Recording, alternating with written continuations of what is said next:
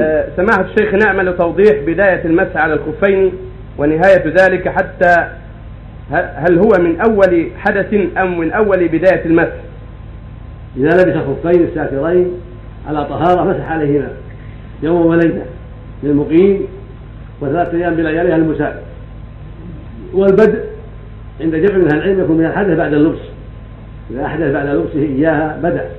والأرجح أنه يكون من المسح بعد الحدث. إذا مسح بعد الحدث هذا هو المبدأ هذا هو أرجح الأقوال في هذا. فإذا لبسها مثلا الفجر على طهارة ثم أحدث الضحى ثم مسح عليها الظهر فالبدء من الظهر لا يزال يصلي فيها ويمسح إلى الظهر. إذا جاء الظهر القادم المقابل خلعها وتوضأ ثم لبسها للظهر وهكذا لو لبسها الظهر على طهارة ثم أحدث بعد الظهر ثم مسح عليها العصر يكون مبدأ من العصر فلا يزال يتوضأ ويمسح عليها إلى العصر. إذا جاء العصر القادم دور دور العصر الذي فيه خلعها. وتوضأ الصلاة ثم يلبسها إن شاء أما المسافر ثلاثة أيام بليالي. ثلاثة أيام بلياليها 72 ساعة. بعد المسح.